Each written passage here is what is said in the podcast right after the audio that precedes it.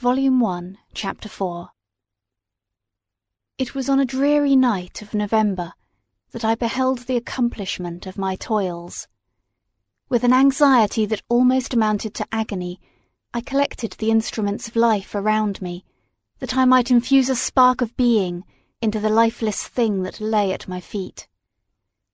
It was already one in the morning, the rain pattered dismally against the panes, and my candle was nearly burnt out, when, by the glimmer of the half extinguished light, I saw the dull yellow eye of the creature open.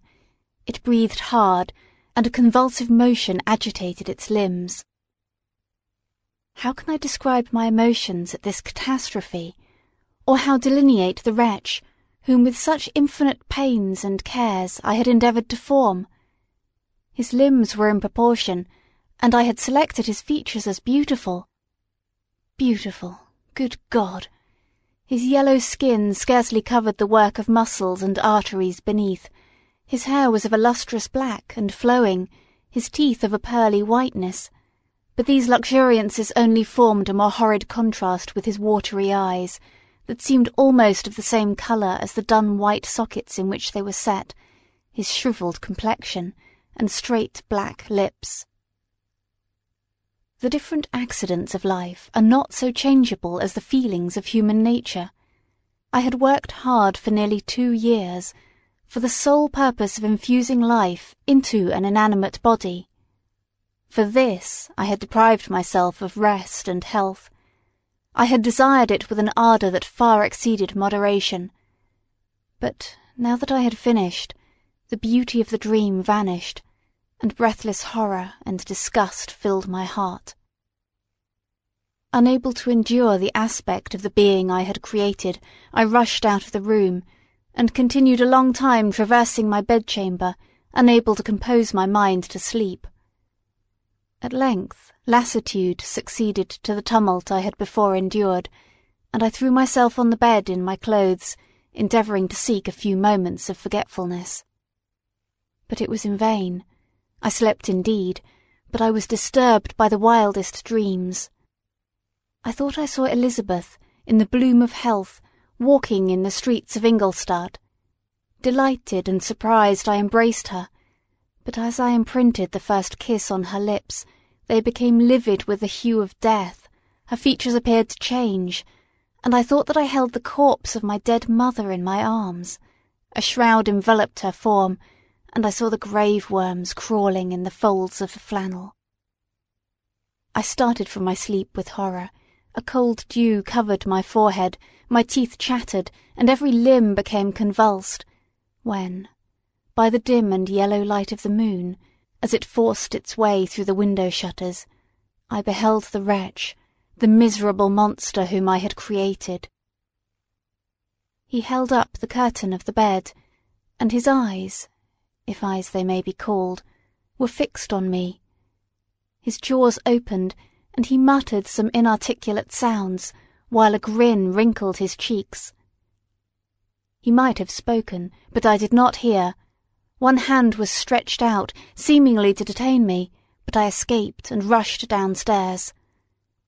I took refuge in the courtyard belonging to the house which I inhabited, where I remained during the rest of the night, walking up and down in the greatest agitation, listening attentively, catching and fearing each sound as if it were to announce the approach of the demoniacal corpse to which I had so miserably given life. Oh, no mortal could support the horror of that countenance. A mummy again endued with animation could not be so hideous as that wretch. I had gazed on him while unfinished. He was ugly then, but when those muscles and joints were rendered capable of motion, it became a thing such as even Dante could not have conceived. I passed the night wretchedly. Sometimes my pulse beat so quickly and hardly that I felt the palpitation of every artery. At others, I nearly sank to the ground through languor and extreme weakness. Mingled with this horror, I felt the bitterness of disappointment, Dreams that had been my food and pleasant rest for so long a space were now become a hell to me, and the change was so rapid, the overthrow so complete. Morning, dismal and wet, at length dawned, and discovered to my sleepless and aching eyes the church of Ingolstadt, its white steeple and clock, which indicated the sixth hour. The porter opened the gates of the court, which had that night been my asylum, and I issued into the streets, pacing them with quick steps, as if I sought to avoid the wretch whom I feared every turning of the street would present to my view. I did not dare return to the apartment which I inhabited, but felt impelled to hurry on, although wetted by the rain, which poured from a black and comfortless sky. I continued walking in this manner for some time, endeavouring by bodily exercise to ease the load that weighed upon my mind. I traversed the streets without any clear conception of where I was or what I was doing. My heart palpitated in the sickness of fear, and I hurried on with irregular steps, not daring to look about me. Like one who on a lonely road doth walk in fear and dread, and having once turned round walks on, and turns no more his head, because he knows a frightful fiend doth close behind him tread. Continuing thus, I came at length opposite to the inn at which the various diligences and carriages usually stopped. Here I paused, I knew not why, but I remained some minutes with my eyes fixed on a coach that was coming towards me from the other end of the street. As it drew nearer, I observed that it was the Swiss diligence. It stopped just where I was standing, and on the door being opened, I perceived Henry Clerval, who on seeing me instantly sprung out. My dear Frankenstein, exclaimed he, how glad I am to see you, how fortunate that you should be here at this very moment of my alighting. Nothing could equal my delight on seeing Clerval. His presence brought back to my thoughts my father, Elizabeth, and all those scenes of home so dear to my recollection. I grasped his hand, and in a moment forgot my horror and misfortune. I felt suddenly, and for the first time during many months, calm and serene joy. I welcomed my friend, therefore, in the most cordial manner, and we walked towards my college. Clerval continued talking for some time about our mutual friends, and his own good fortune in being permitted to come to Ingolstadt. You may easily believe, said he, how great was the difficulty to persuade my father that it was not absolutely necessary for a merchant not to understand anything except bookkeeping, and indeed I believe I left him incredulous to the last for his constant answer to my unwearied entreaties was the same as that of the Dutch schoolmaster in the Vicar of Wakefield. I have ten thousand florins a year without Greek, I eat heartily without Greek. But his affection for me at length overcame his dislike of learning, and he has permitted me to undertake a voyage of discovery to the land of knowledge. It gives me the greatest delight to see you, but tell me how you left my father, brothers, and Elizabeth. Very well, and very happy, only a little uneasy that they hear from you so seldom. By the by, I mean to lecture you a little upon their account myself. But my dear Frankenstein, continued he, stopping short and gazing full in my face, I did not before remark how very ill you appear, so thin and pale, you look as if you had been watching for several nights. You have guessed right. I have lately been so deeply engaged in one occupation that I have not allowed myself sufficient rest, as you see. But I hope, I sincerely hope, that all these employments are now at an end, and that I am at length free. I trembled excessively. I could not endure to think of, and far less to allude to the occurrences of the preceding night. I walked with a quick pace, and we soon arrived at my college. I then reflected, and the thought made me shiver, that the creature whom I had left in my apartment might still be there, alive and walking about. I dreaded to behold this monster, but I feared still more that Henry should see him. Entreating him, therefore, to remain a few minutes at the bottom of the stairs, I darted upward towards my own room. My hand was already on the lock of the door before I recollected myself. I then paused, and a cold shivering came over me. I threw the door forcibly open, as children are accustomed to do when they expect a spectre to stand in waiting for them on the other side, but nothing appeared. I stepped fearfully in. The apartment was empty, and my bedroom was also freed from its hideous guest. I could hardly believe that so great a good fortune could have befallen me, but when I became assured that my enemy had indeed fled, I clapped my hands for joy and ran down to Clerval. We ascended into my room, and the servant presently brought breakfast, but I was unable to contain myself. It was not joy only that possessed me. I felt my flesh tingle with excess of sensitiveness, and my pulse beat rapidly. I was unable to remain for a single instant in the same place. I jumped over the chairs, clapped my hands, and laughed aloud.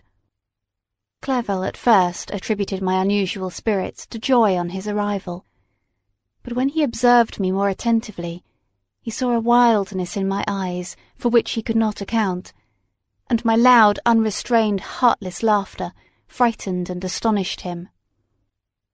My dear Victor, cried he, what, for God's sake, is the matter? Do not laugh in that manner. How ill you are!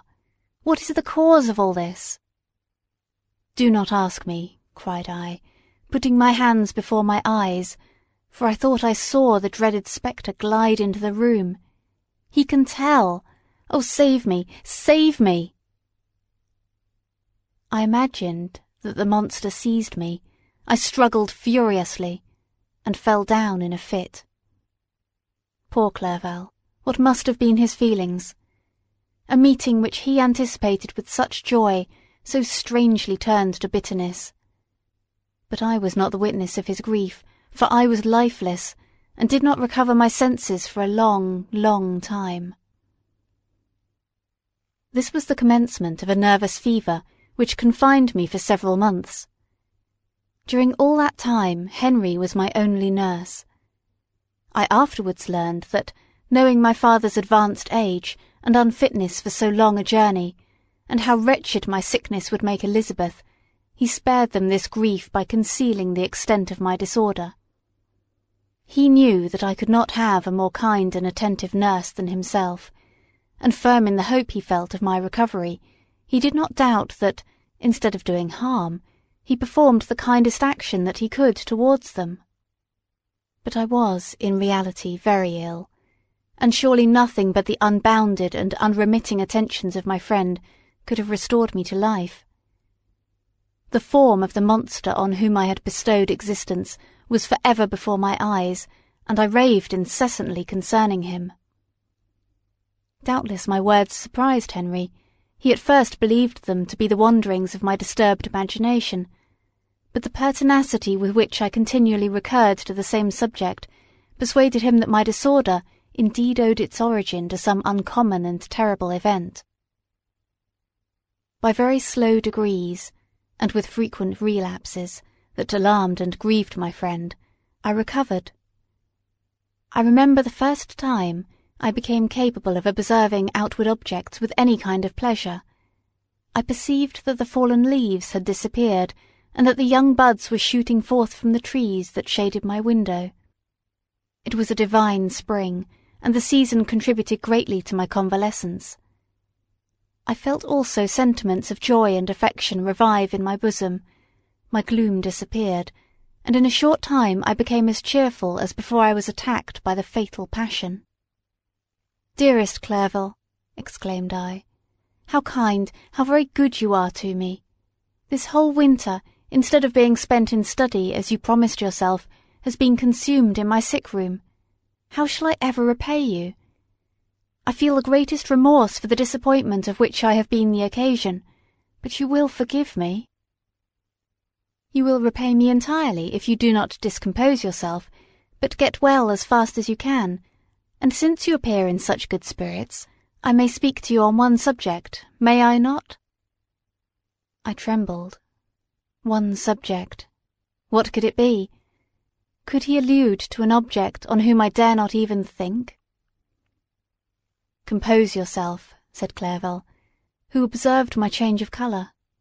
I will not mention it if it agitates you, But your father and cousin would be very happy if they received a letter from you in your own handwriting. They hardly know how ill you have been, and are uneasy at your long silence. Is that all, my dear Henry? How could you suppose that my first thought would not fly towards those dear, dear friends whom I love, and who are so deserving of my love? If this is your present temper, my friend, you will perhaps be glad to see a letter that has been lying here some days for you. It is from your cousin, I believe.